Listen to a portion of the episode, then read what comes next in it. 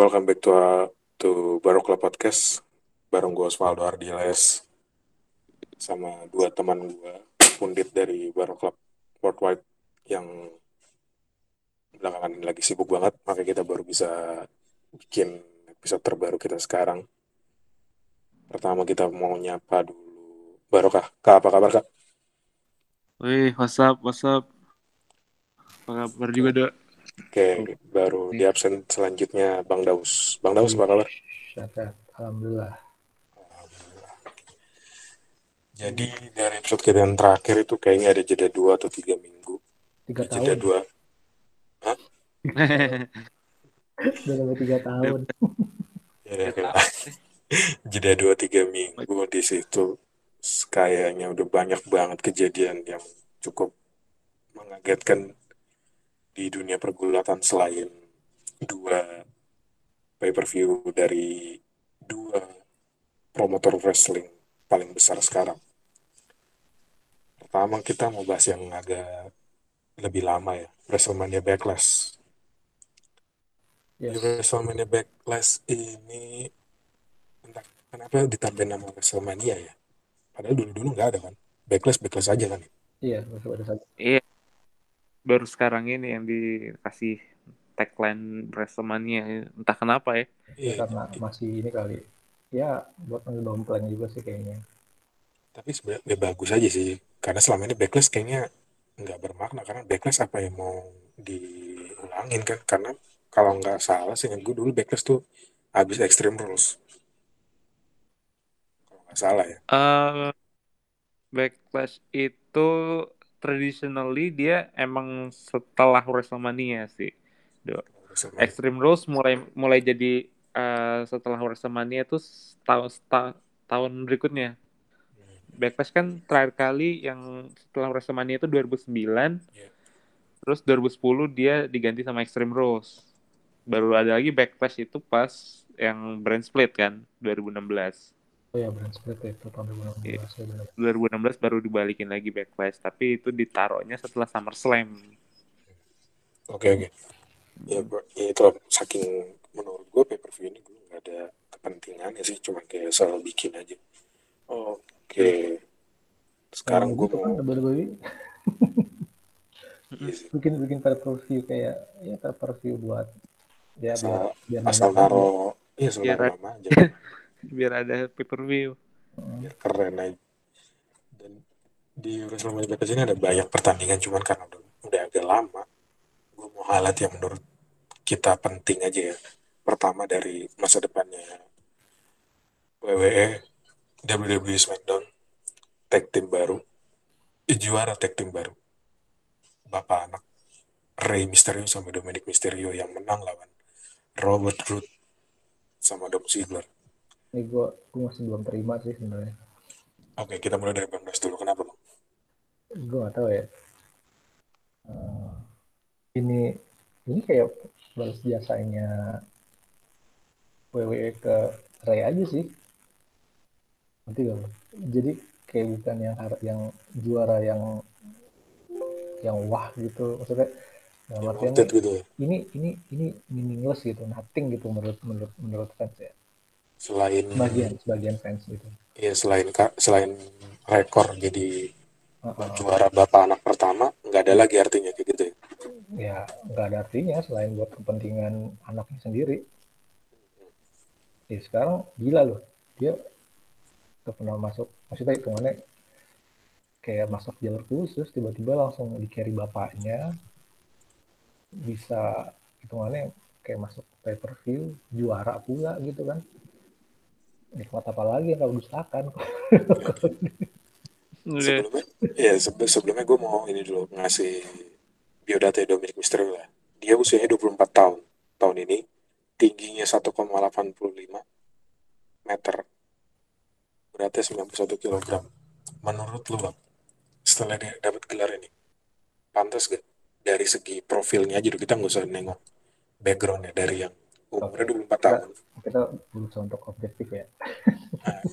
kalau gue ngambil contoh tuh dari umurnya dia ya Randy Orton lah karena Randy Orton juga bawa bawa legacy kan Gini, waktu dia juara pertama dan kita Randy Orton kita Ah, oke. Randy Orton, gue oke. Gue Oke, lanjut, lanjut. Sorry, sorry, gue mau tahu. Ya, dan Randy Orton, uh, correct me if I'm wrong ya, juaranya singles competition kan dulu kan, juara gelar pertama.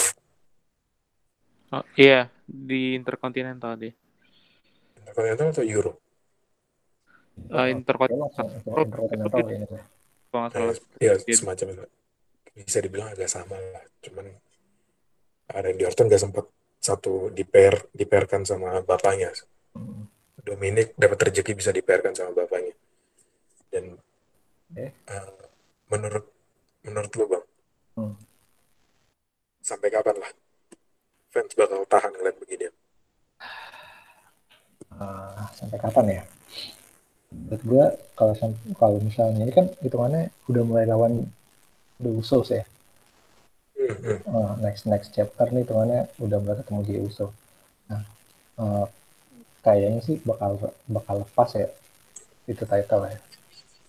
Nah, yang jadi pertanyaan nih sampai kapannya? Nah, di partai-partai single aja tuh rank eh, si Dom ini nih kelihatan masih rada kaku ya menurut gue ya pergerakannya gitu gitu. Walaupun Ah. luas ya walaupun luas tapi gimana ya? Menurut gue belum belum belum bisa dibilang kualitas main roster gitu ya. Ya, di, ya, di NXT tuh lebih banyak yang bisa lebih bagus daripada dia gitu. Soalnya kan itu kan nih si Dom nih itu kan kayak instan banget ya. Begitu di ya, correct me if I'm wrong ya. Pokoknya tuh dia start mulai debut tuh yang mulai lawan Brock Lesnar ya yang mulai fit sama Brock Lesnar ya. Iya. Nah Mm. itu tuh kayak digembleng abis tuh kalau kalau gue lihat tuh si Dom. Badannya tadi kan gempal banget tuh. Badan tuh bener tuh badan dia kan pertama kali gempal banget ya? Iya. nah gue sih ya gue sih eh, cukup gue apresiasi ya maksudnya kerja kerasnya gitu kan. Cuma menurut gue sih kecepetan sih. Dalam Jadi artian ya, si Randy lanjut, Orton lanjut, nih, lanjut dulu. beda kasusnya sama Randy Orton. Nah, iya, Randy Dia kan ngerintis ya. Emang dia tuh dari dari apa sih? Dari umur muda tuh emang emang main udah masuk masuk apa ya? Emang udah- emang dia dididik hidupnya dari awal. hidupnya tuh emang hidupnya kan dari pro wrestling gitu kan keluarganya kan. Betul, betul. nah dia juga itu juga kan dari nggak salah ya. Dia juga dari dari ngerintis lah itu kan Hmm. maksud gue Randy ini emang talentanya tuh kelihatan gitu dari dari dia bocah gitu nah gue sempat baca eh baca sempat nonton tuh yang podcast Steve Austin itu emang sebenarnya tuh Randy tuh nggak nggak nggak pengen main gulat gitu. tapi emang emang emang darah itu ya darah Ya, itu dari gulat gitu dari, dari kakeknya. begitu masuk ring ring ketolong nama bapaknya udah langsung di under under Triple H sama Ric Flair wing kan itu mana kan langsung kan nah itu sih Oke. nah Randy pun Randy pun bilang gua gua itu kan beruntung gitu kan gua gua langsung di handle sama superstar gitu kan itu mana Iya, kan iya. dia mengaku itu gitu dia dia juga nggak munafik mungkin juga kalau nggak di carry sama Triple H sama Ric Flair dia udah nggak nggak jadi apa-apa mungkin yang menurut gue ya. Dan emang ngebantu banget sih di mentoring sama Triple H Hmm. sama Ric Flair itu bener-bener membantu. Tapi emang karirnya dia tuh bukan kayak uh, Dominic yang dipasangin sama ayahnya atau sama relatifnya itu buat jadi tag team gitu. Orton main sendiri. Orton iya jadi single wrestler, kagak jadi tag team pasangin sama Batista atau Ric Flair. iya Orton tuh kan di begitu masuk Evolution kan itu kan hitungannya nggak langsung masuk Evolution kan emang Iya. main sendiri dulu Dan- Iya, iya. Iya, dan Orton tuh pas debut tuh udah kelihatan ada potensinya gitu loh. Udah dari dari mukanya udah kelihatan kok dari looks kelihatan, Iya. dari skill, aja- dari skill aja kelihatan loh. Itu Iya, dia dia dari dari aura awal itu emang udah mesti ngebaca gitu. Kita aja hitungannya yang cuma nonton bisa ngebaca ya. Di Iya. gimana yang gimana yang ngelihat langsung gitu yang Oke, ngomongin soal soal aura ke, Kayak gitu ke ya. Oka nih. Terakhir, gua- terakhir gue baca interview dari Rey Mysterio, dia bilang Dominic dipersiapkan bakalan pakai topeng. Menurut lo kan? Kita tahu Hmm. lah topeng itu cukup sakral buat luchador. Sementara kita udah tahu dulu muka Dominic. Sukses gak? Hmm. Kalau beneran Dominic ha- kita bikin eh, di sekiranya Iya. dia udah sekiranya dia udah jago lah udah udah udah make skill udah bagus ring skill udah bagus tapi tiba-tiba dia datang dengan gimmick baru Mysterio Junior pakai topengnya Rey Mysterio 619 dilanjutin legasinya Rey lo dari fans. Apalagi dari komunitas luchador juga. Bakal terima nggak? Dominic kalau dijadiin mask wrestler nggak akan nggak akan work. Karena uh, mask wrestler kan kayak aura misterius uh, misteriusnya itu harus ada. Jadi orang uh, kayak nggak nggak harus nggak boleh tahu kayak lu siapa aslinya gitu loh.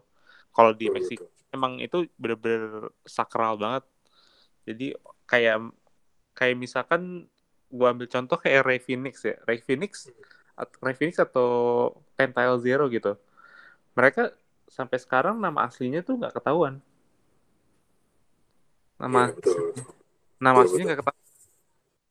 Nah nah kalau misalkan Dominic itu entah uh, ditransformasiin jadi karakter yang beda dari sekarang yang pasti nggak akan nggak akan jadi kayak bapaknya jadi uh, petarung bertopeng gitu nggak nggak akan bisa nggak akan mereka lakuin kalaupun dilakuin pun juga nggak akan berhasil karena orang udah tahu bener kata lu dok orang udah tahu mukanya dia kayak gimana dan orang nggak akan buy uh, dia sebagai the next Mysterio itu kalau dia cuman sebagai dia sama-sama bertopeng gitu nggak lo harus buktiin di atas ring jadi kalau misalkan mereka beneran bikin Iya. Dominic sebagai wrestler bertopeng ah gue nggak yakin Mysterio lah.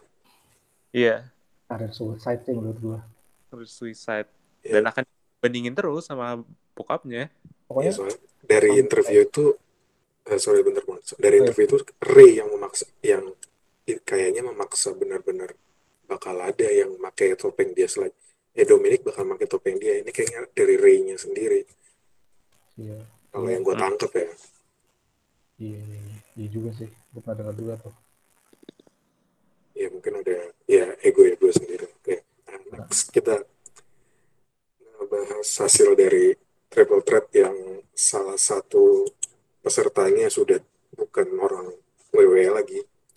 Untuk Eh. WWE Championship Bobby Leslie, Drew McIntyre versus Braun Strowman. Eh, Yang menang. ntar dulu lah.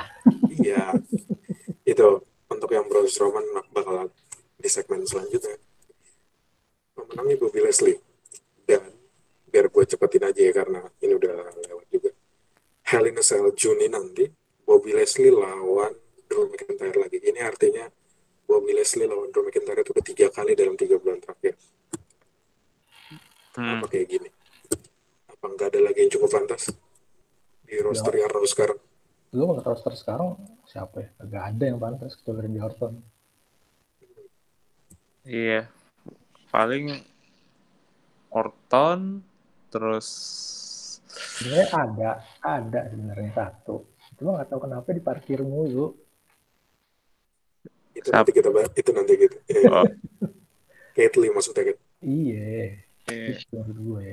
itu nanti masuk di segmen selanjutnya aja bang Iya, deh. nah kan, kan tadi kan lu bilang kan ya siapa yang pantas kan ada, cuma diparkir gitu doang. Ta- tapi mungkin gini buat jawaban pertanyaan gue juga ini gue lempar lagi di Raw kemarin Drew McIntyre tiba-tiba nge-mention nama Brock Lesnar lalu esok harinya di daftar superstar nama Brock Lesnar muncul lagi apakah ini artinya Brock Lesnar akan segera kembali dalam waktu sangat-sangat dekat Hmm, SummerSlam kayaknya deh. SummerSlam itu bulan apa sih Agustus ya Agustus. Agustus. Dan itu kayaknya pay per view per, uh, pertama Penonton. setelah ini yang open crowd lagi deh. oh iya benar SummerSlam ada penonton lagi Bukan pakai penonton kayaknya. Entah bakal dipaksakan atau enggak, kayaknya Vince udah bet banget kayak bakal pakai penonton. Berarti Ah, di iya. di bulan Juli lawannya ya kayaknya sih yang menang Bobby Leslie lagi nih a Cell. Lawannya Bobby Leslie siapa dong? Menurut kalian yang enggak yang enggak akan pasti ngalahin Bobby, Bobby Leslie sih tapi pertandingannya bakal seru. Worth to watch, worth to Worth to watch juga Hmm. dari Di sisa dari roster sisa ya. roster. Di Gua pengen sama seben- sebenarnya sih kalau misalnya ngeliat ini ya, ngeliat gaya mainnya ya, Sheamus. Sheamus. Lagi, Oh, lagi ini- sering ini- open Iya, challenge. ini kalau ngeliat gaya main ya, cuman kemarin Sheamus katanya cedera ya. Iya, patah hidungnya sama Ricochet. Pakai hidung sama Ricochet. Ya, kalau yang ada sekarang paling gue pengen sama Riddle sih. Kan masih ada sisa-sisa feud-nya tuh kan. Kayaknya sih masih lama sih nge-build tag team sama Randy Orton aja lagi Ah, lagi enggak. lagi mau Iya. naik. Iya ngerti gue. Ah, tapi kan kalau ngeliat roster sekarang nih, yang masih ada benang merah sama Bobby Leslie itu ya Riddle gitu maksud gue. Hmm. pengen siapa? AJ Styles mungkin. Ah, Styles bakal tetap dipasangin sama Omos sih. Walaupun Iya. ya paling di pay per view sebelum res, ah, SummerSlam itu juga Styles bisa jadi contender. Jadi kayak sebagai pengisi aja, pengisi Oh, aja. iya, ini ini selera gue ya. Tapi style sama, sama Leslie kayaknya nggak tahu ya. Gue ngeliat kurang cocok gaya mainnya deh. Tapi kan udah ada contohnya waktu Styles lawan Brock Lesnar. Ya, Ya sih. menang pasti menang Bobby, Bobby Leslie tapi Styles bahkan nge kayaknya nge-carry pertandingan itu Dari- sama iya, kayak iya. Styles nge-carry Brock Lesnar kan. Hmm. Jadi jadi lu apa Kak? Styles? AJ Styles. Ah, enggak, kalau AJ Styles gue mikirnya sebelum Summer pay per view sebelum SummerSlam bakal jadi contender. Iya, Gue. Iya, yang itu kan. eh gue kan take wild guess deh, The Finn. The Finn. Iya juga sih, bisa juga sih. Oke, Bruno. berarti, Iya. berarti dia udah aja selesai depresinya. Iba- ya kita mengesampingkan depresinya dia ya. ya mengesampingkan itu semua gue Iya. kan kayak di pay per view sebelum SummerSlam Leslie menang terus tiba-tiba muncul The Finn gitu Bisa sih. Bisa sih. Bisa, bisa. Emang fans juga harapin Devin balik lagi sih. hype-nya itu bisa through the roof man kayak bisa bikin story-story yang lagi-lagi nggak bisa nggak masuk akal juga tapi bisa jadi story yang bagus Ya, tadi bilang take a wild guess benar-benar wild sih. Iya. Karena lu mempertaruhkan kesehatan mental orang. Ini kan tadi kan udah disclaimer. Kita mau ngesampingkan. ya Take a wild guess, oke. soalnya kan who knows juga kan mungkin kayak uh, di pekan-pekan ke depan dia udah uh, udah recover udah ngerasa udah enakan terus Tapi- udah bisa ini Tapi lagi feeling gue nambah dah. kalaupun ya nambah ya wish him well aja sih wish him well cuman ya nambah, nambah yang gara-gara kita mau bahas. udah recover itu match yang perlu dibikin sih The Finn sama Leslie Gue Iya, gue gue setuju, setuju. setuju sih cuma Iya, itu iya, itu dia sih. Build up-nya mesti cepet sih kalau misalnya mau di, di, di- dimulai dari sekarang sih harusnya. Soalnya lo tau sendiri lah, Raw nih yang nulis cerita lagi kacet banget ini. Gue udah hampir sebulan lebih kali, dua bulan malah nggak nonton Raw kali. Iya, Nonton highlight-highlight doang. ya emang buang-buang waktu sih nonton Raw sekarang. Oke, Iya. lebih lebih bagus, lebih enak SmackDown. Dan kalau ngomongin SmackDown, kita bahas yang megang SmackDown sekarang.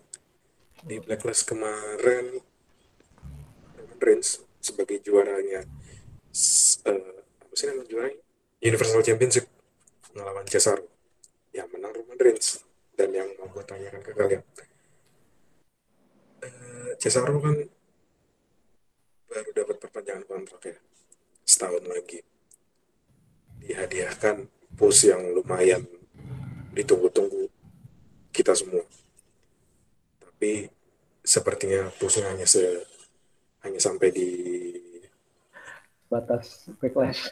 backlash doang gitu dan doang dengan dan dengan ending yang kayak gitu kalau nonton pertandingannya ini dari gue ngutip dari CBS Sport ngasih rating A plus dan gue setuju tapi ngeliat endingnya yang dia dia Oh, diserang iya, Seth iya. Rollins Oh. menurut ke Bang Dos dulu emang Cesaro nggak se nggak sebegitu apa namanya superstarnya ya. Ya ya nggak sebegitu superstar dibuat di trap jadi juara ini kita balik lagi ke pemegang kekuasaan ya. Sebenarnya tuh Cesaro, Cesaro itu kalau bisa dibilang people's champion, people's champion sih maksudnya banyak fans tuh yang pengen banget dia paling nggak punya gelar yang major lah gitu. Betul.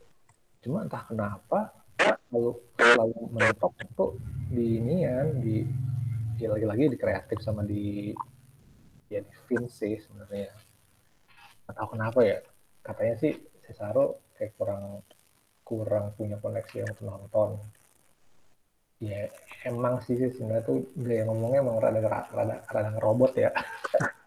Ya tapi bukannya dengan tidak ada penonton Iya. itu nggak dia. masalah kan? Heeh, nah, kalau lihat dari ring skill mah wah gila, keren banget itu kemarin match lawan Roman itu. Keren itu keren banget. Gua gua gua, gua sendiri pun nggak nyangka ya bisa bisa jadi kayak gitu ya gitu ya. Maksudnya Hmm. anjing keren banget ini. Si Iya. Roman Romannya juga Romannya juga ini ju- juga bisa klik gitu sama dia gitu.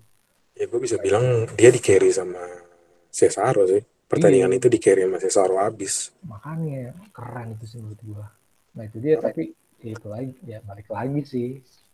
Kayaknya orang WWE itu kayak belum percaya sama Cesaro. Kalau kalau menurut lo, Hmm. kalau menurut lo ya, kenapa Cesaro baru dikasih sekarang kontrak? Eh baru kok dikasih kontrak baru, baru sekarang juga dikasih ke main event picture, tapi kok kayak cuman sebulan doang gitu.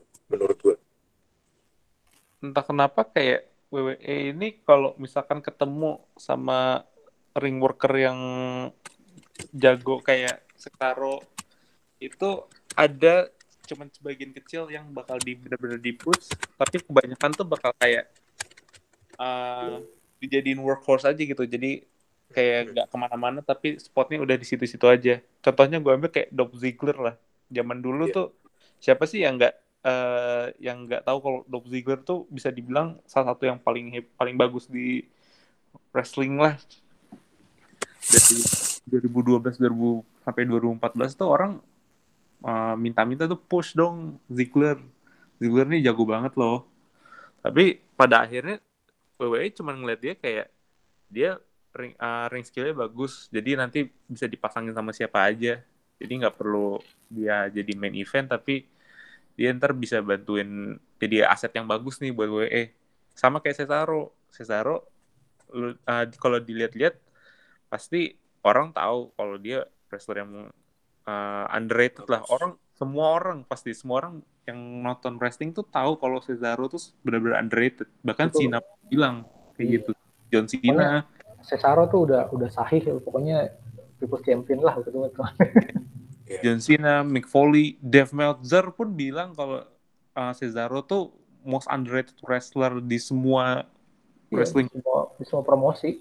iya Cuman emang- iya nah, dan gitu. cuman emang emang keterbatasan sama bukan bahasa sih kayak stereotip dari Vince itu nggak terlalu suka banget sama yang ada masih punya accent yang masih punya accent kalau misalkan ngomong Oke. Karena dia nggak terlalu percaya banget sama uh, Nakamura terus Iya, iya. sama siapa lagi ya yang wrestler yang bener-bener Miro. Miro, Rusev. Sampai tuh gue gue bakal uh, stopin di situ. Karena lu bahas Dolph Ziggler tapi lu kok nggak bahas sebenarnya uh, Kenapa? Daniel Bryan. Daniel Bryan seharusnya masuk juga ya. Emang dia dapat gelar tapi kan melalui cara-cara yang sebenarnya bisa kita ulang dengan Cesaro. Daniel Bryan punya yes movement. Sebentar lagi fans bakal kembali apakah Cesaro section bisa bikin Cesaro juara Universal? Kalau dibikin story underdog yang ala-ala mungkin nggak kayak mungkin nggak kayak Daniel Bryan sih karena Daniel Bryan tuh storynya bener-bener ghost past di WrestleMania yang dia kalah 18 detik gitu. Itu pas mereka udah mulai ya ada yes movement. Cesaro di push kalau misalkan di push storynya bakal mirip kayak Kofi Kingston Nah, wah teriak gua. tapi momentumnya udah ada kan Momentum- Cesaro ya momentumnya kayak gini. Cesaro kalah lawan Roman Reigns clean. Terus dia dibantai sama Seth Rollins sampai sekarang tapi alasannya belum jelas. Seth Rollins kayak orang gila ngebantai dia. Menurut lo ini apakah bisa lanjut ke jadi batu loncatan dia kembali ke main event picture lagi? Pastinya, karena uh, udah dipasangin sama nama-nama yang familiar sama main event, itu bakal ngerap juga akhirnya. Tergantung sama feudnya gimana hasilnya ya. Kalau misalkan cuma tukar-tukaran menang, itu nggak akan ada manfaatnya sih, nggak ada faedah. ya kan ya untuk sementara kan rekor masih sat- satu kosong kan masih Cesar yang menang kan Iya. Iya, Gua, gua setuju banget ya Pak. Coffee Kingston, Coffee Mania. Berarti apa nih? Cesaro Mania, Cesaro Section. Oke. section. Maksud gue ini, maksud gue masuk sih, masuk akal kalau misalnya emang ntar storyline yang mau dibikin kayak si Kofi Kingston gitu. Masuk, masuk. Bisa, bisa. Tapi ya, sebenarnya kan kalau dari versi badan, Cesaro kan ideal banget ya. Bener kata lo, ke- kekurangan dia cuman dia ngomongnya masih ada aksen aja sih. Iya, dan, dan masih kayak robot tau gak lo? Iya. Enggak, kalaupun robot, menurut gue Cesaro nggak sekaku dulu lagi. Iya. Kalau terakhir iya. dia, ya terakhir dia kaku yang sama, apa, tag teamnya sama Sheamus namanya, The Bar. Ber. Nah, makanya di situ Sheamus lebih, bisa- lebih banyak ngomong kan. Semenjak dia masih Shinsuke Nakamura sama Sami Zayn, menurut gue udah malah banyakan dia yang promo. Apalagi Z- Sami Zayn kagak kagak apa nggak nggak mau ke WWE kan awal-awal Covid. Speaking of Nakamura, dia bahasa Inggrisnya sekarang lumayan loh. Gue gue perhatiin. Yes. Ya, jadi mungkin sudah nggak ada alasan lagi ya buat Vince untuk nahan-nahan rezeki orang dia terbukti kan Iya. Eh, Nakamura sekarang ada storyline tersendiri yang lumayan seru diikutin Iya. Tapi gue suka loh storyline sama Corbin dia nih si Nakamura. Iya. Ini bakal jadi feature ini deh, King of Ring deh. seperti itu karena fans mau datang eh fans mau balik lagi ya fitur-fitur lama Bakal bakal jadi jadi- yang jadi trade. Pertama disujuk disajikan oke itu tadi kita udah bahas WrestleMania Backlash maaf cum agak dipercepat karena ya Eh. sebenarnya udah agak basi Iya. Ya, makanya agak dicampur sama yang terkini-terkini gitu oke next yang belum terlalu basi kita bahas double or nothing wih, ini dia. Ini dia. ini ini adalah request gue sih Oh, di request kita semua lah, request kita semua. Waduh. tadinya ini ki- kita kasih tahu aja ya sama pendengar tadinya mau dibikin face off antara Black Back WrestleMania Backlash sama Double or Nothing Tadinya. bener-bener bener ditandingin plek-plekan head to head tapi gue request kalau misalnya Backlash ini anti klimaks lagi mendingan kita kata-katain bareng aja gue juga bakal ikut-ikut ngatain ngata-ngatain AEW dan Oke. Ah, turns, turns out memuaskan banget mm-mm. memuaskan banget uh, Double or Nothing. Oke, gue gue bakal mulai dari bahas hasil pemenang uh, Casino Royale-nya Double or Nothing. Sekali lagi, Casino Royale itu anggap aja kayak Rumble-nya WWE. Gue dikocok udah gitu aja. Hah? Perbedaannya adalah kalau ka- Royal Rumble itu datangnya satu-satu, kalau Casino Royale agak cepat dibagi berdasarkan gambar kartu. Jadi ada uh, spades, sekop, hati, tempe atau diamond, baru keriting. Mm-mm. Iya. Hitungannya Setiap bahasa setiap bahasa halusnya dikocok lah ya. ya, ya di, di, di, Iya. di shuffle, Hmm. setiap gambar itu terdiri dari lima wrestler. Jadi isinya ada 20 plus satu plus satunya di joker. Oke. Ah. Kita bahas dari pemenangnya. Gue langsung ke pemenang aja. Jungle Boy dari Luchasaurus. Dari kalian ada tanggapan? Hmm, gue gue ya gue pribadi gue ngakak sih yang jangan boleh menang Apa kayak Jungle Boy menang? Kenapa tuh? Bang? ngakak sih maksud gue nggak ada angin nggak ada hujan gitu kan tiba-tiba dia menang gitu kan kayak kan harusnya ya di di di di apa ya di prediksi pasti banyak orang pasti nih mana Christian Cage nih Christian kalau enggak Matt Hardy sih. nah itu kok jungle boy gitu kan Iya.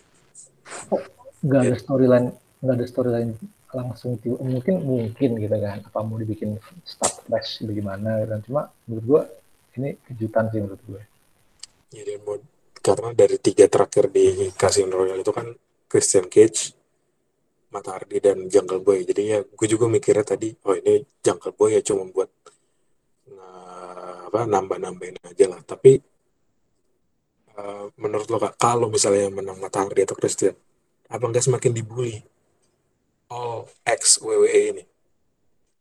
Eh, kalau Matt Hardy sih pasti sih kayaknya bukan dibully. Cuman kalau Christian kan karena masih baru, Ya, waktunya masih ada. oke, privilege ya kalau dia menang. Iya. masih di inilah masih dimaafin kalau yang menang iya. Gue ah, jujur aja gue nggak begitu familiar sama Jungle Boy ya. Jadi ah, mungkin lu bisa fill me in ya buat uh, gue do kayak Jack ah, Jungle Boy ini kayak apa? Gue baru tahu Ja- Jungle Boy ini ternyata anaknya ini ya, Luke Perry ya. Dan gue aja sebenarnya baru ngikutin Jungle Boy karena dia menang kemarin ya. Yang gue tau dari Jungle Boy adalah dia satu stable sama Luchasaurus di Jungle Jungle Express itu doang. Iya. Ya gue juga sama kagetnya pas gue nonton itu.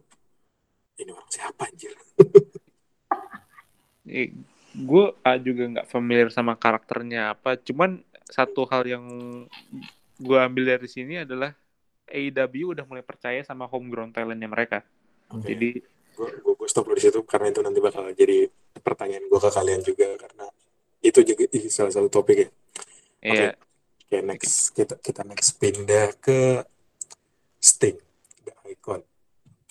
Dia Iya, aki-aki terbang. Aki-Aki ternyata masih bisa Yes. Ya, dia ada pertandingan. Dia sama Derby Elite Tag Team melawan All Ego Ethan Page dan Scorpion Sky.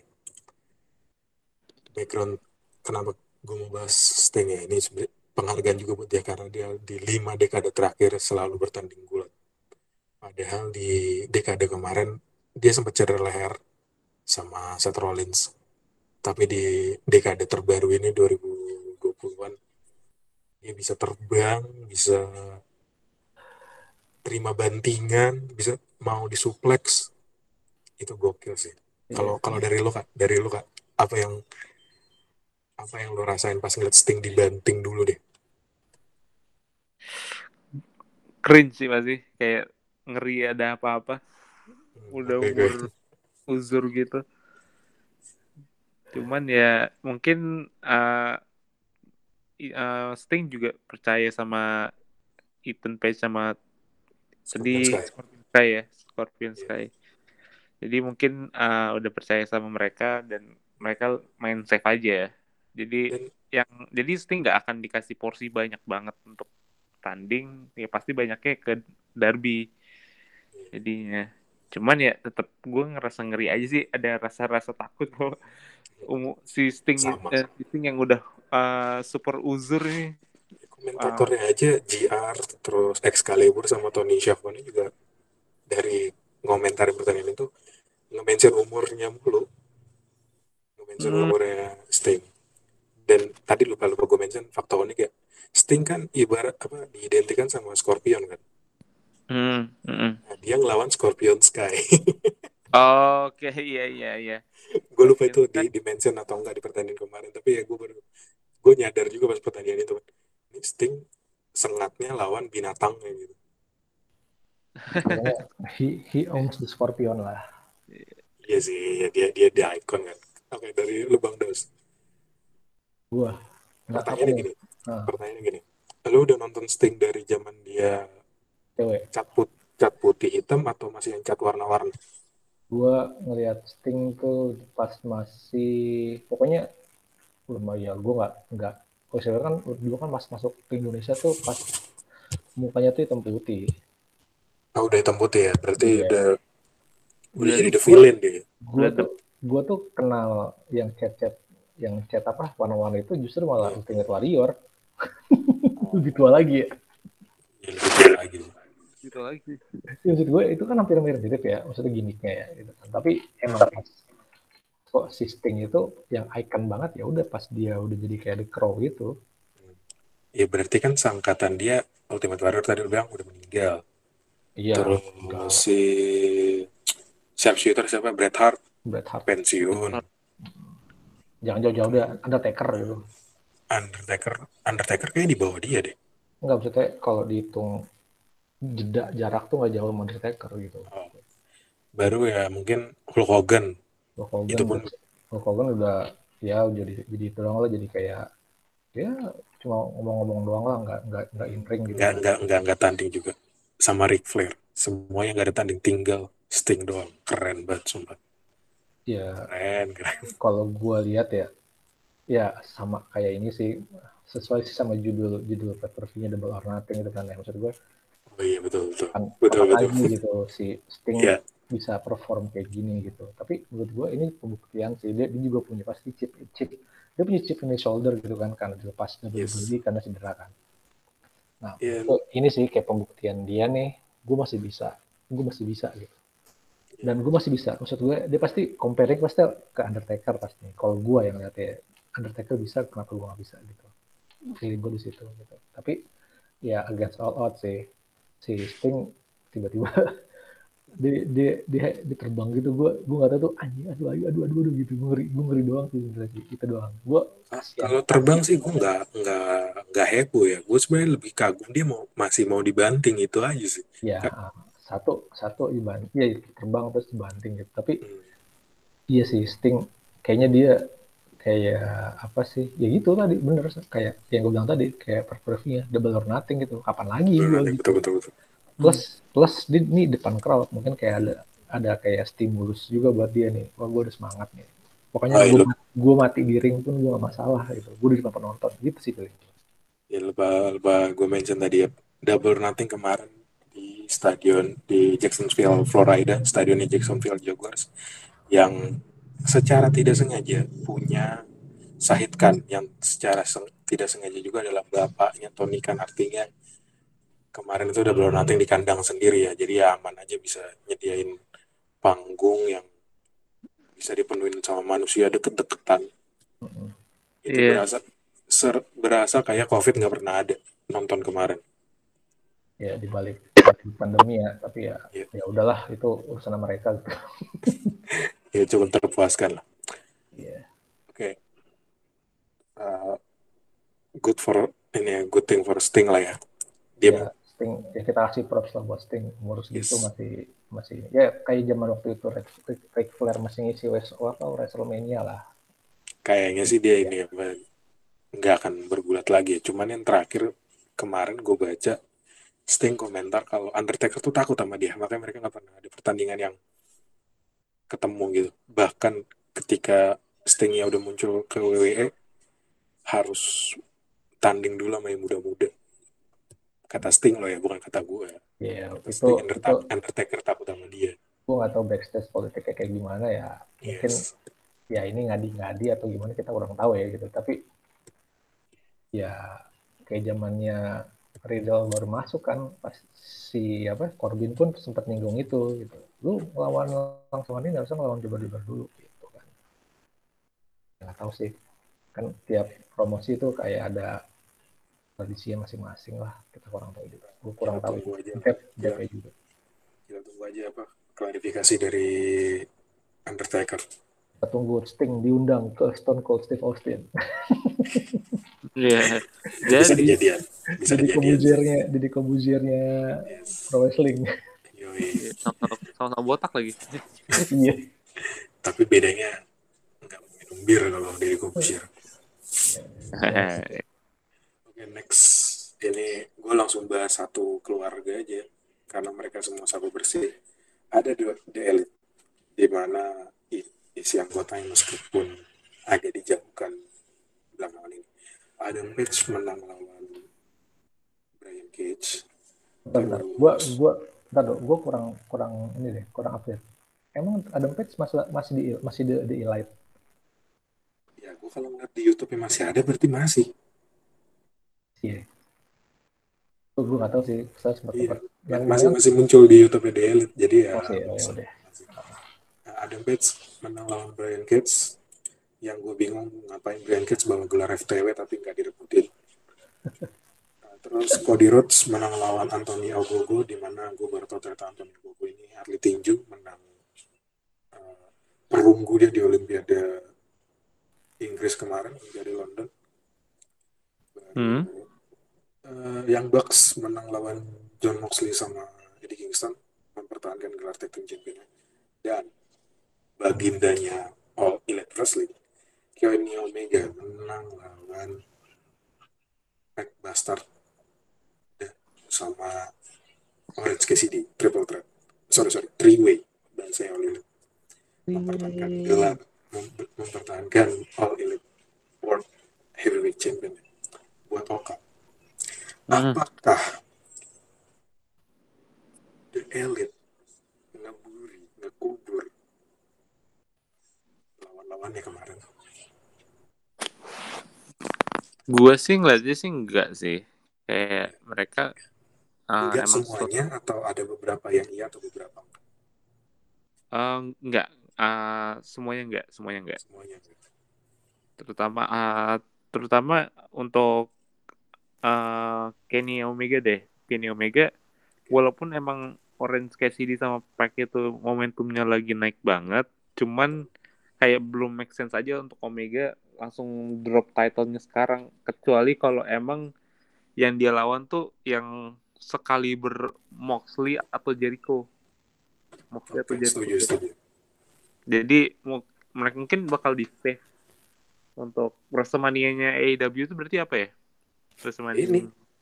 eh bukan Ini. uh, enggak enggak dong. Re- Revolution Revolution Iya, Revolution.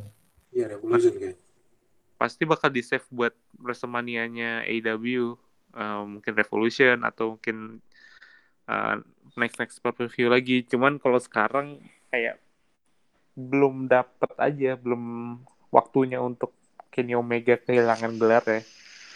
Jadi setuju setuju emang nggak akan nggak bukan hitungannya nggak ngeburi karena uh, walaupun satu kena pin tetap aja kayak selama dua-dua ketiganya kelihatan sama kuatnya ya hitungannya nggak akan ngeburi satu sama lain sih.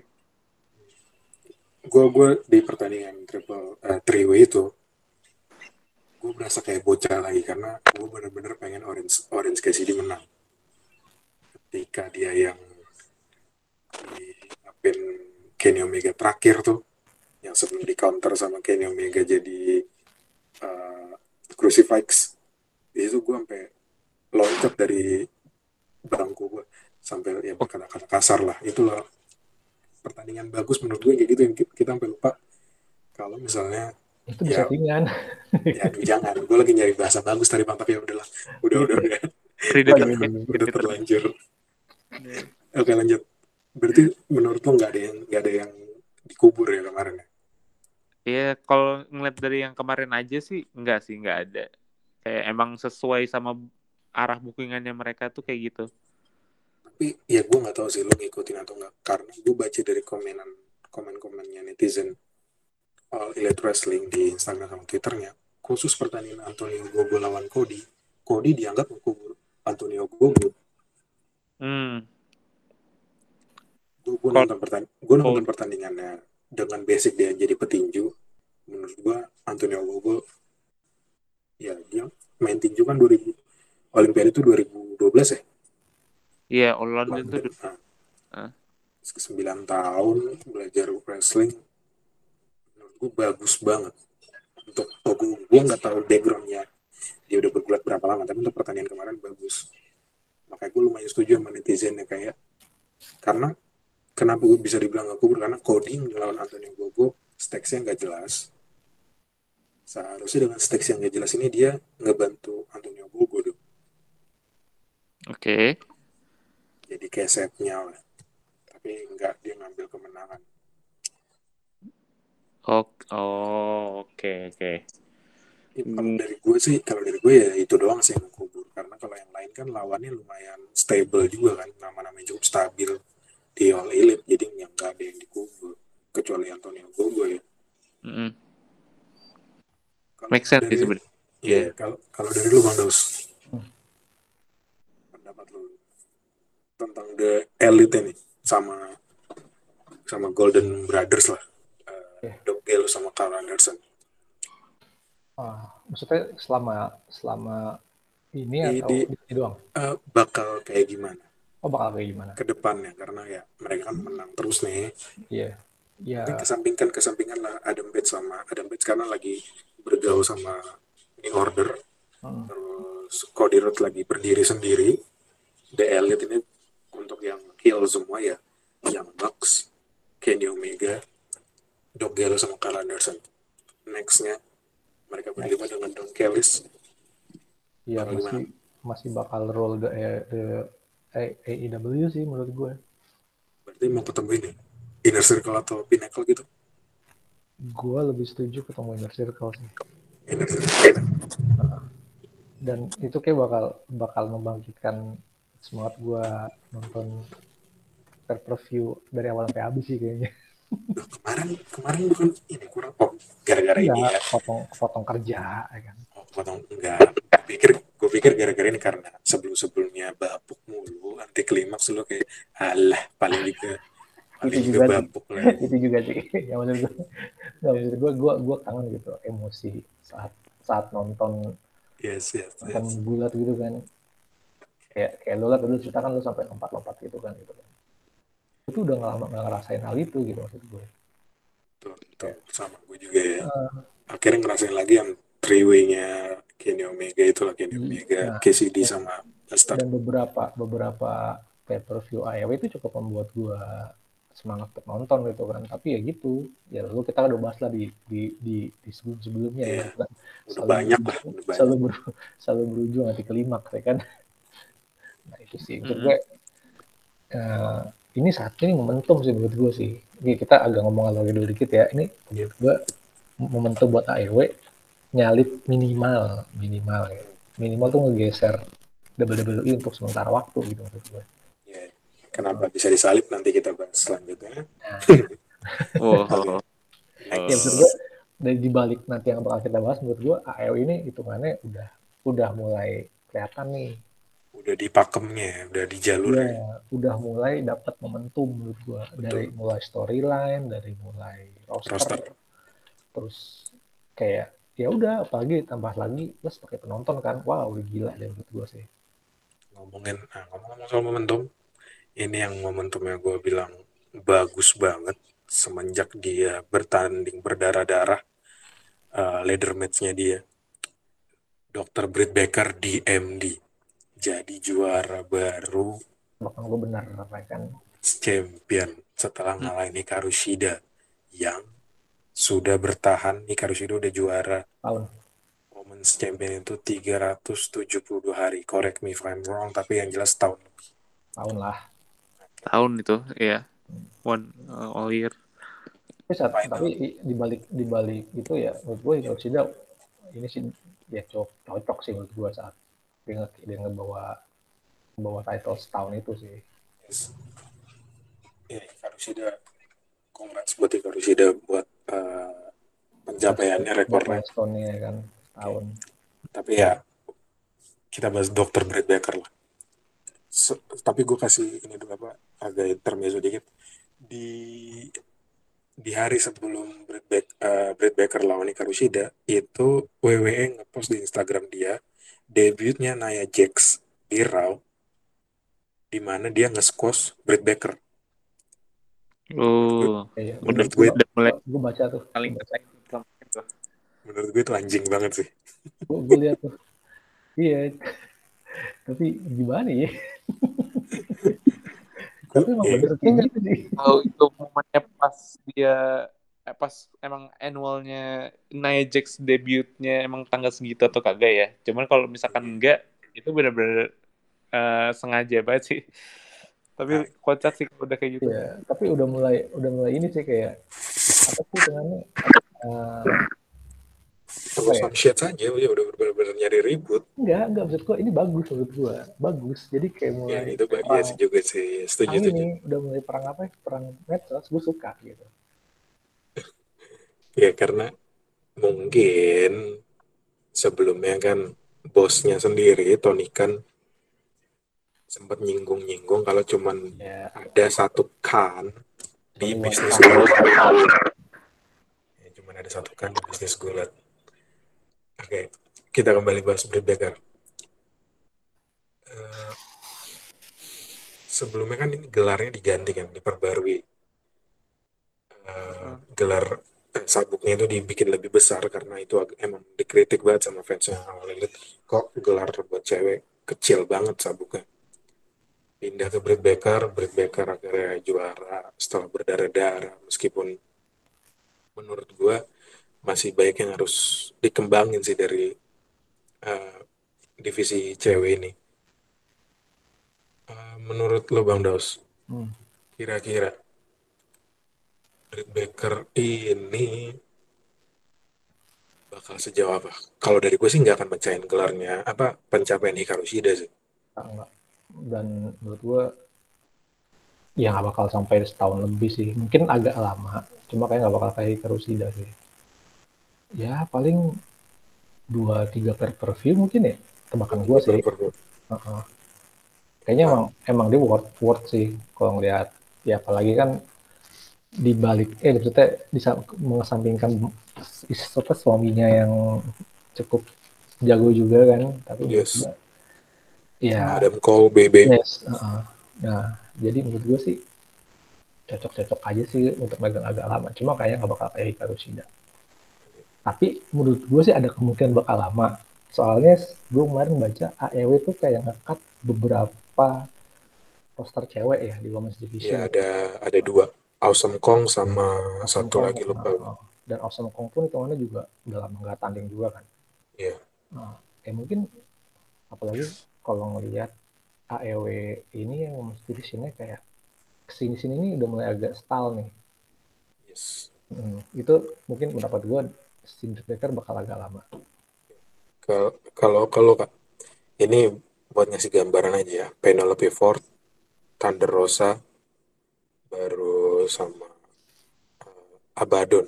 Itulah kira-kira uh, kontendernya si Britt Baker di Women's Division.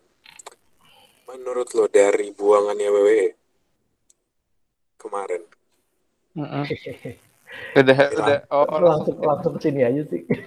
Ya belum yang situnya menurut lo buangan WWE kemarin yang kebetulan suaminya udah ada di W uh, siapa namanya? Peyton Royce. Nama aslinya siapa? Akun IG bang kemarin lo nge-share. Lee Casey Lee.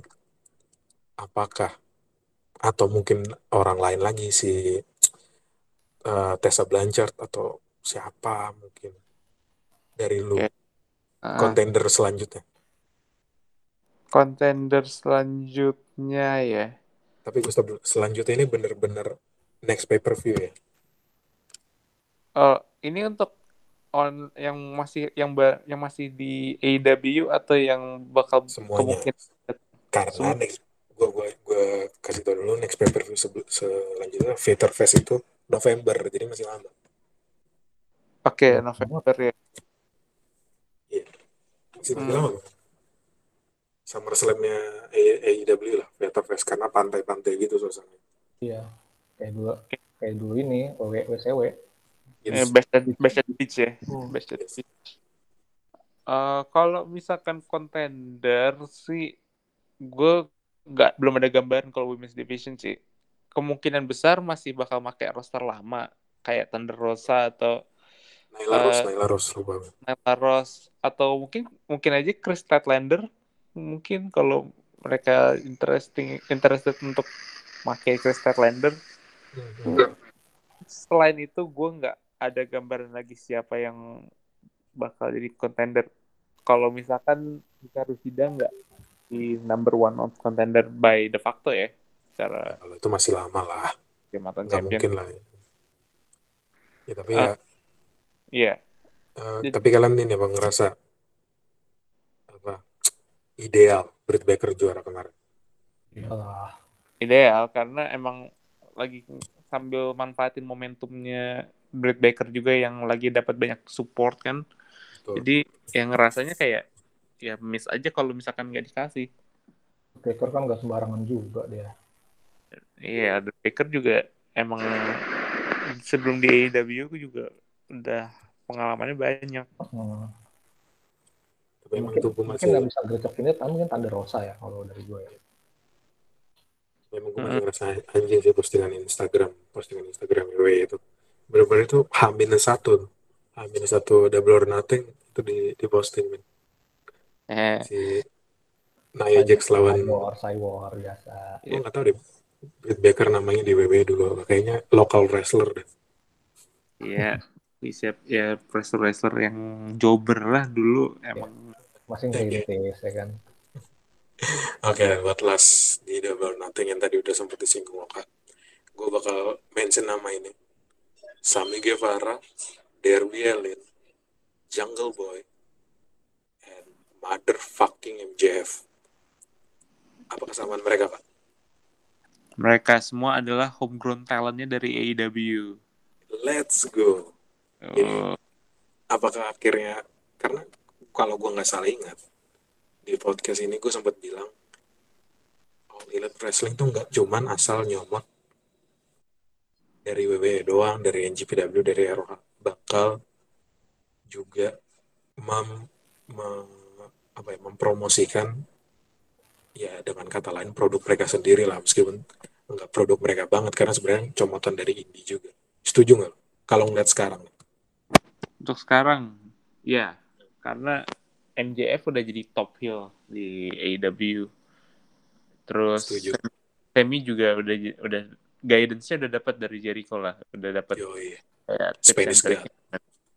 Dan Darby Allin juga ba- bareng Sting tuh udah uh, bisa kayak ngasih karakternya nih udah mulai ada sesuatu yang menarik dari Darby Allin. Iya.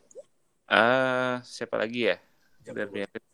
Or- Orange Cassidy mungkin ya, Orange Cassidy juga uh, dapat Orang ke sini, orang ke sini bukan dari ini ya, dari ROH. Orange Cassidy tuh nggak dimasukin karena emang udah tua aja sih. kayaknya dia sebenarnya sih baru boomingnya itu di AEW sih, kalau nggak Iya. salah. Nah, tapi Jadi dia kalau baru- di udah udah kenal banget ya. Mungkin Iya. gini kali ya. Kalau gue bilang homegrown talent tuh yang dari episode Double or Nothing pertama dia udah ada. Waktu Ah. Casino Royale-nya main. Dan kebetulan Orange Cassidy ada di situ. Oh, oke. sih, bisa. Ah, iya, jadi gue ngelihatnya pun juga uh, mungkin AEW udah uh, kelihatan bentukannya kayak gimana kan. Karena gue Iya. sempet pernah no- kayak nonton video gitu tentang uh, gimana sih caranya untuk bikin wrestling promotion. Karena mereka bilang kalau wrestling promotion tuh nggak akan kelihatan bentuknya apa identitasnya sampai kayak tahun ketiga, tahun ketiga, tahun keempat. Karena ketiga. kedua tuh mereka mencoba menarik fans, menarik fans dulu dengan ngesign nama-nama familiar. Makanya kayak dulu di TNA mereka ngesign mantan-mantan wrestlernya WWE, WCW juga itu untuk narik fans-fans yang emang nggak nonton WWE untuk nonton mereka. Sama Oke. kayak AEW, iya kan? Iya. AEW ngesign Jericho, ngesign uh, Moxley, Moxley. ngesign Park, Miro, Sean Spears. Oh, Sean Spear. Itu untuk narik uh, fans-fans yang nggak udah males nonton WWE tapi pengen nonton wrestling. Oh, ini Betul. dia. Iya kan? Setuju, setuju. Walaupun uh, gue pernah uh, kritik juga karena mereka uh, AEW sempat gue bilang kalau mereka nggak percaya sama talent mudanya kan. Itu Iya. gue gue pun gue akan te- uh, telan kata-kata itu dan gue bisa bilang kalau AEW udah mulai nemuin karakternya. Udah mau udah tahu siapa yang bakal jadi ikon di ke depan ke depannya. Ada MJF, Darby Allin dan juga Sammy Guevara dan lain-lain. So Iya. uh, good job sih menurut gue. Menurut gue uh, gue ngelihatnya kayak uh, karakternya MJF itu salah satu yang menurut gue best heel work di wrestling sekarang sih yang benar-benar pure heel as a Iya. character itu menurut gue. MJF karena gue ngeliatin kalau Roman Reigns terlalu cool men terlalu cool untuk jadi Ya, fight-nya raja terakhir memang. Yes. Karakternya tuh karakter raja terakhir, final boss. Terus siapa lagi ya yang top heel gitu? Leslie sama juga. Mirip-mirip. Leslie juga. raja terakhir juga. Iya. Monster semua sih ya. Kalau MJF emang asshole aja udah. Iya. MJF itu bener pure villain yang Iya. orang bener-bener kayak benci dia dan kadang orang nggak bisa bedain itu MJF karakter atau orang Apa aslinya beneran kayak gitu. Ya terbukti kan dia udah dilempar bir dulu kan waktu break up sama Cody Rhodes. nah itu dia jadi eh, ya, ini tahun ketiga tahun berarti tahun ke empat mau ya? tahun mau, mau tahun ketiga itu kan 2019 Iya, oh iya tahun ketiga berarti. Jadi harusnya sekarang ini AEW udah bisa pick up momentum dari wrestlernya mereka sendiri. Nanti bisa dibawa running sampai 2022 tuh pasti eh, udah mulai kelihatan lah momentumnya. ya, karena, karena ini mau kita bahas. Menurut lu Bang Daus masih perlu nggak? Masih perlu nggak ngambil All X WWE Ya, kebetulan kalau ngeliat, ini kita ngeliat, ya Bang. Hmm. bentar lagi kan 14 Juli gue udah sempat singgung nih beberapa kali di podcast. Oh iya. 14 Juli itu rombongan pertama PHK udah bebas dari segala peraturan WWE masih perlu nggak? Kalau ngeliat, oh, kalau roster, mereka. kalau ngeliat roster sekarang ya, nggak usah. nggak usah Nggak, nggak- kalau ngeliat yang kondisi sekarang ya, nggak usah. Soalnya nanti Iya. bakal bakal kasihan roster yang lagi dapat momentum. Wrestler overcrowded tuh juga nggak bagus karena Mhm. lu nggak akan kepake wrestler-wrestler yang emang lu udah bayar segitu mahal. Yes. kalau yang cewek juga nggak kan kalau menurut gue sih cewek masih Kalau cewek masih oke lah. Kalau cewek masih oke buat fill in. Cuma kalau buat roster cowok nggak. ya, Peyton Royce lah ya. Peyton Royce, ya lah Peyton Royce. Oke, dari, nah, dari tadi udah kita singgung terus ini tentang finansial WWE. Ini langsung gue gabung aja lah ya. Pembahasan terakhir kita. Ada apa dengan WWE sekarang? Sudah tahun ini bikin dua kali PHK besar-besaran, tiga kali malah. Dua PHK pegulat, satu PHK pekerja kantoran ya.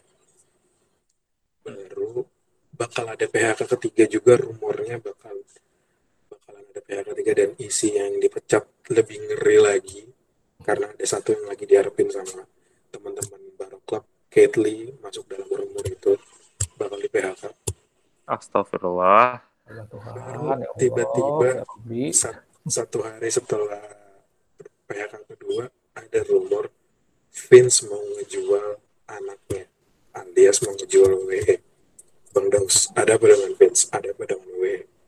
Wah, udah gila kayaknya. gue nggak tahu ya se- sebesar apa impact pandemi buat WWE. Cuma kayak menurut gue buat perusahaan kayak WWE itu kayak pandemi kayak gini tuh harusnya nggak jadi nggak jadi soal ya. Apalagi dia udah udah banyak ngekat sana sini. Terus belum lagi kayak ya pasti ada penghematan bla bla bla. Kan sekarang kan udah udah nggak tur kan. Jadi kayak di satu tempat.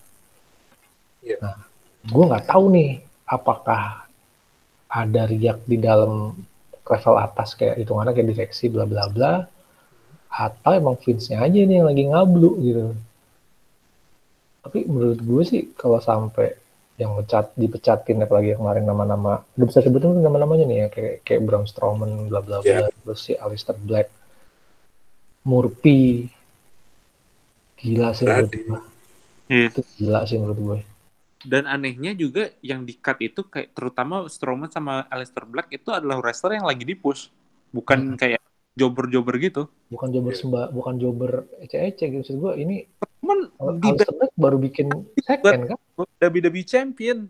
iya meskipun mereka kalau Strowman lagi nggak ada ini lagi nggak ada storyline meskipun nggak ada storyline Braun Strowman uh, Aleister Black Andrade Cien Almas terus ini yang dulu ya si Samoa Joe Samoa fucking Joe. Peyton Royce Billy Kay Ruby Riot Buddy Murphy. Itu Ah, gila udah well known, well known semua kan. Udah well known semua sama kita. Fans uh, gue Gila sih, berani gila sih. dilepas. Ya dengan berani dilepas sementara pesaing mereka yaitu NGPW sama Elite Wrestling entah kenapa adem-adem aja. Gue nggak tahu nih gue gue sumpah gue kita aja itu aneh pas ngeliat nama Braun Strowman Aleister Black sama Murphy kaget minta ampun kan. Anjing ini Iya. ada apa nih maksud gue nih? Ya sekarang pun belum ada belum ada omongan dari resmi dari dari dari apa sih dari perusahaan sendiri ya paling yang Kayaknya nggak pernah ada deh. enggak maksud gue normatif aja gitu karena karena keuangan bla bla bla lah gitu cuma ya kali maksud gue gitu ini kayak nggak ngerti gue apa Ya, Vince buat- udah mulai apa Vince udah mulai udah mulai saatnya pensiun jadi kayak gini Buat buat Oka nih pertanyaannya yang lain. Tapi masih berhubungan. Hmm. WWE mau dijual dan tiba-tiba ada isu Disney mau beli. Menurut lo kejadian atau enggak? Dan kalau kejadian Disney beli WWE bakal kayak gimana nanti produknya? Ah, kejadian kemungkinan besar kejadian karena emang kalau misalkan wrestler yang lagi di push itu sampai dirilis mereka itu gue pernah dengar kayak Strowman gajinya cukup ah, lumayan tinggi ya lumayan tinggi Yes. tinggi tinggi gini ya tinggi dan artian nggak sampai nggak sampai top 10 sih emang. Nggak- Iya. gajinya nggak nggak segede wah wah banget sih. Ya untuk orang yang baru gulat, kan dia lumayan cepet ya. iya sih. Masih di upper echelon lah. Kayaknya udah masuk satu jutaan gitu. Udah belum masuk. belum belum. Seingat gua kemarin tujuh setengahan deh. Oh itu mungkin udah sama merchant, bonus merchant. bonus kali ya gua nggak tahu ya. Eh, gue curiganya karena eh, ini gue sedikit eh, agak geser kayak ekonomi dikit ya, karena ketika mereka nge-cut wages-wages dari wrestler-wrestler mereka, itu bakal pengaruh ke profit and loss mereka. Profit and loss mereka bakal lebih sehat kelihatannya, jadi bakal masuk ke positif. Ketika eh, kenapa lu perlu eh, balikin lagi profit and loss lu ke positif karena lu pas lu mau ngejual si lu punya aset itu adalah lu ngelihat dari ininya dong. Lu kalau ngelihat kalau mau beli sesuatu tuh pasti ngeliat kondisinya. Nah cara lu nilai si aset ini ya dari si profit and loss ini. Nah kalau misalkan kelihatannya untung itu ya uh, harga jualnya bakal lebih tinggi. Makanya mereka ngekat cost di left and right itu ke mana-mana, terutama ke uh, sala- salary-nya dari wrestler mereka ya untuk bikin laporan keuangannya tuh kelihatan lebih bagus.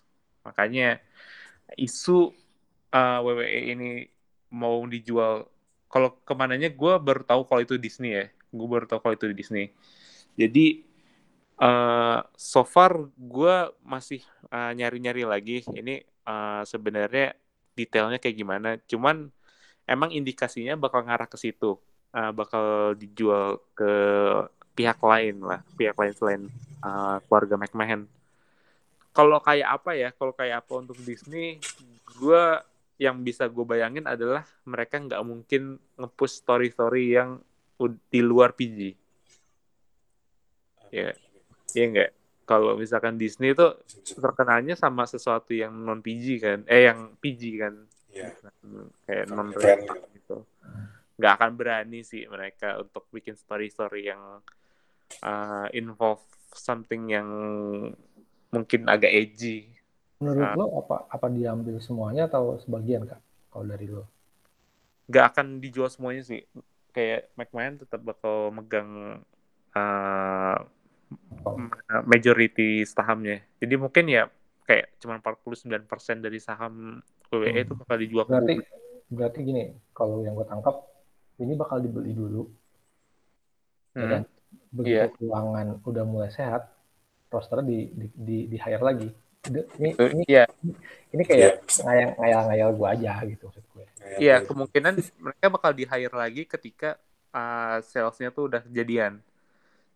Jadi mungkin ya uh, Strowman, Aleister Black, terus Lana ya, Lana juga itu cuman kayak sementara aja kayak waktu kemarin kan Drake Maverick juga dirilis kan, cepet dirilis uh, 2020 terus dibawa di rehire lagi setelah gue lupa itu di itu kayaknya Black Friday Black Friday-nya karena apa? Apa karena isu jual-jual juga atau gimana? Cuman ya kemungkinan untuk di rehire lagi pun tetap gede karena ya tapi tapi emang tradisi WWE kan pasti kayak bakalan di hire lagi seseorang gitu maksud gue Tapi Iya. udah ada Jeda- ada jeda. kejadian eh, jedanya ini kita belum tahu gitu kan. Iya, technically ya emang rosternya tipis gitu, nggak mungkin nggak di hire kalau misalkan ada Iya. beberapa Dan nama. apalagi kayak sekarang kan makin tipis lagi kan. Iya, main eventnya Raw hitungannya cuman bisa dihitung jari siapa aja yang Iya. bisa jadi contender. Dan dan kalaupun AEW yang ngambil itu kan hitungannya kan top wrestler ya. Costnya juga kayaknya bakal gede sih. ya, Nah, itu dia. ya kayaknya ya, ya kayak yang dibilang bang Daus tadi ya kecuali divisi perempuannya wanitanya ya Iya. nggak nggak nggak penting-penting banget dan Ya gitu sih. Gua gua ngeliatnya ini kayak ya mungkin kalau buat orang ekonomi kayak Oka bisa menganalisa cuma kan kalau kayak kayak misalnya wah yang udah apa sih panik gitu kalau yang udah yang udah cinta WWE gitu. tapi anehnya sebelum isu eh sebelum berita P- PHK jilid 2 sama isu WWE mau dijual isu yang lebih kencang itu adalah WWE sama NJPW mau kerjasama sampai nyinggung ah, bukan nyinggung sampai AEW pun nyinggung eh, isu Oh. ini karena ah, karena AEW kan yang duluan dalam tanda kutip kerjasama duluan lah meskipun nggak besar-besar banget isunya adalah WWE mau jadi eh, yang memasarkan NJPW di Amerika Serikat WWE bakal ngasih beberapa roster mereka salah satunya yang diisukan paling kencang itu Daniel O'Brien Hmm. Berarti hak siar megang hak siar berarti yang megang si itu ya si Iya, hak siar, WWE ya. kan. apakah kerjasama dengan NJPW itu bisa ini bikin keuangannya WWE lebih bagus. Kalau itu kejadian. Atau murni marketing doang. Marketing. Eh, bisa ya bisa. Kayak mereka bisa ngelakuin yang hal yang sama kayak dulu TNA kerjasama sama New Japan. Jadi mereka ngesend uh, wrestler-wrestler yang masih muda itu kalau misalkan NXT udah kepenuhan mereka bisa send ke NJPW buat kayak namanya excursion. Jadi mereka ditaruh di situ kayak dipinjemin lah kayak pemain bola lu punya pemain muda terus dipinjemin ke klub lain itu buat belajar buat nambah Ya, pengalaman. jam terbang lah ya. iya buat nambah jam terbang gitu.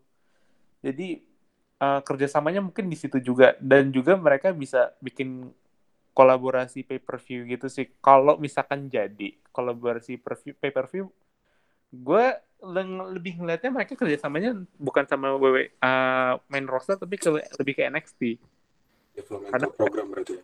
Iya karena WWE main roster pun programnya agak sedikit beda ya dibandingin uh, packagingnya sama New Japan.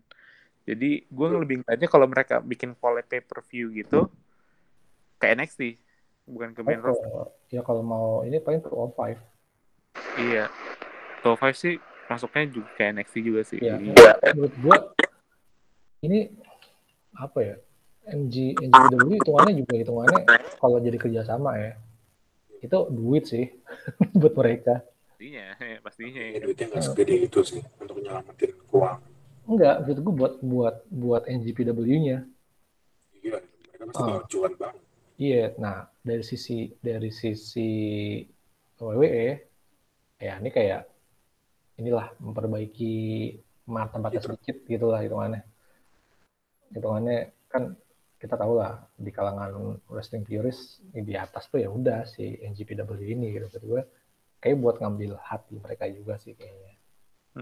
Dan mereka juga bisa untuk ngerambah market Jepang kan, market. Asia pertama tuh.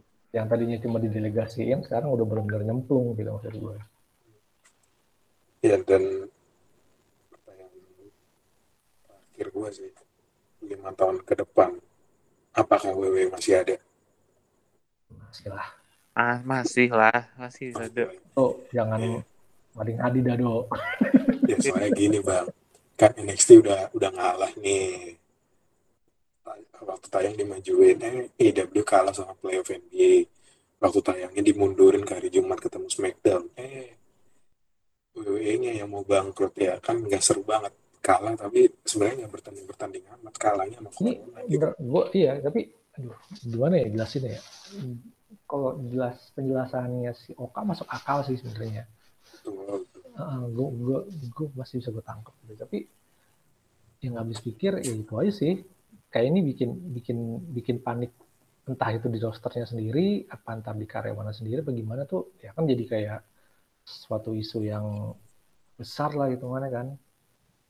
Berarti ya seru juga ya kan. Ini jadinya power of kepepet nih. Semua harus maksimal dong. Dari bagian harusnya, storyline. harusnya maksimal harusnya maksimal ya cuma nggak tahu nih ya kalau kecuali kecuali Raw ya Smackdown sama NXT sih masih patut ditonton sih menurut gue Ya takutnya kalau of kepepet yang kalau nggak jadi maksimal jadi yang ambruk banget udah depresi duluan. Nggak ya, optimis. tahu sih kayaknya ya sih gue optimis masih ada Iya kan, lu mungkin optimis nggak kan? mungkin nggak mungkin nggak ada Apa, lima- Tetap optimis lah. Lima Ya, tahun lagi masih ada E. WWE. And, uh, WWE itu perusahaan yang terlalu gede untuk langsung bangkrut dalam waktu lima tahun. Eh, Jadi tapi tadi, tapi itu gue jeda dulu. Tapi tadi gue ngeliat postingannya dari teman kita NFL fans Indonesia kayaknya XFL diadain lagi. ya? kan The Exact. ownership-nya udah pindah ke Oh, The Rock. udah The Rock. Ya udah, untung The Rock. benang lu satu udah dibuang ya. Karena itu juga penyebab WWE keuangannya kembang, kembang kempis. iya ya itu dia tadi kayak ini kan Vince kayak lagi muter otak nih gimana caranya nih bisa bisa dapat duit lagi gitu Iya, Ini makanya feeling gue Brock Lesnar diambil ditarik lagi kayak bakal buat ambil penonton juga. iya. Ya, tapi kan gak dengan Brock Lesnar datang keuangan baik. Ini kan kayaknya penyebabnya udah lama-lama. Iya iya sih. Iya. Ya dan nggak dan kayak nggak make sense gitu nggak make sense gitu kalau misalkan mereka keuangannya lagi tipis karena mereka uh, dalam waktu dekat kan mereka udah mulai live event lagi udah mulai buka buat penonton dan lagi mereka udah deket deket sama SummerSlam yang isunya mereka bakal ngadain di stadion Allegiant Stadium Ya, Jadi-. Iya, momentumnya tuh kayak eh, bukan kayak terus kayak promotion yang lagi kesulitan keuangan. Jadi mereka bangkrut. Yang Oh, gitu. Bukan nggak settingan dong. Kalau Bukan kata iya tadi kan Val- Valdo eh Valdo apa sih Oka bilang ini kayak rasanya dirapihin dulu ya kan begitu Hmm. dijual dapat ya udah di hire lagi gitu kan maksud maksudnya kayak Iya. gitu ya, ya NXT, eh, NXT pun juga masih pick up momentum dan mereka juga udah dikit lagi udah mau ada takeover lagi. Iya lagi. mungkin ya beberapa roster NXT bakal ada yang naik kayaknya sih kalau Iya. situasi kayak gini. Oke, kalau gitu buat penutup dari gue dengan pen, apa dengan statementnya apa tadi gue jangan pesan sama Tony Khan sebelum 14 Juli lo kontrak itu sama aja bangsat oke sekian dari kita semua. Thank you guys udah dengerin udah dengerin episode kali ini. Sorry absen lumayan lama. Tapi ya untuk misalnya kalau pengen ngerimen ngereminder kita ngingetin kita untuk take podcast biar lebih rajin, biar lebih semangat. Bisa lewat IG kita. IG kita di mana, Kak? Langsung aja ke barok.club. Uh, langsung cek situ. Kita ada Instagram dan juga Twitter kita Oh, iya, itu Twitter. di barok uh, epot underscore barok club. Oke. So, thank you guys buat uh, malam ini. Udah malam buat kita tag-nya. Dan sampai jumpa untuk di episode berikutnya. Bye-bye. bye bye Bye bye everyone.